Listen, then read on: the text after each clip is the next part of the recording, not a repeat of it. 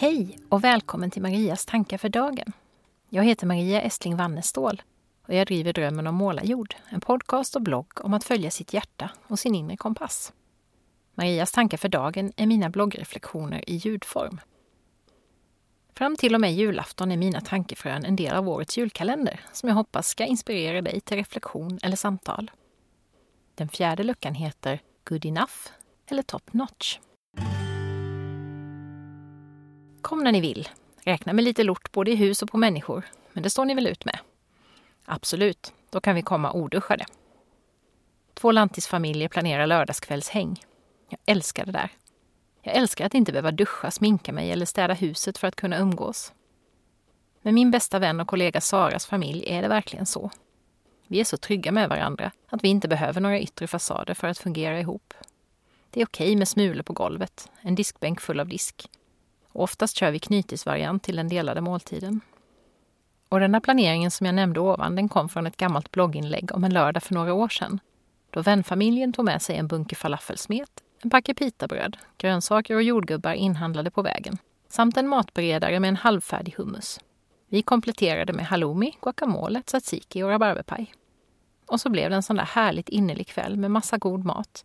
En stunds kubbspelande där den mest intensiva striden var mot knotten omkring oss. Och så förstås goda samtal, bland annat en runda där alla närvarande, barn såväl som vuxna, berättade om sina förväntningar inför sommaren. Efter min sjukskrivning för utmattning för många år sedan blev en av mina överlevnadsstrategier att släppa på perfektionskraven. Att bli lite mer good enough.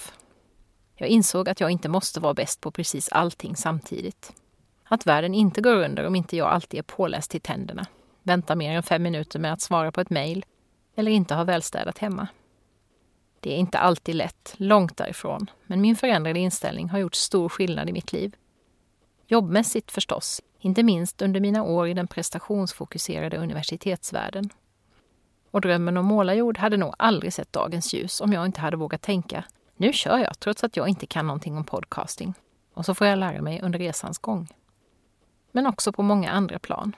I hemmet, i mitt föräldraskap, i fråga om löpning, yoga och meditation. Jag har blivit bättre på att inte jämföra mig med alla andra samtidigt, som vi så lätt gör när vi ser att X är superbra på någonting, Y superbra på någonting annat och Z superbra på en tredje grej. Och så tror vi att vi måste hinna och kunna och göra allt det där perfekt. Och tio saker till förstås. Men tänker du kanske då, ska jag nu bli en mellanmjölksmänniska som bara gör allt lite halvdant? Icke då. Det finfina med att bli mer good enough i vissa sammanhang är att man får mer tid och energi över att ge hela sin själ när det verkligen finns fog för det. Jag la exempelvis ner kopiöst många timmar på min TEDx-föreläsning om att följa min inre röst, som jag insåg skulle kunna bli ett sätt för mig att nå ut med mina tankar. Där fanns good enough inte på kartan.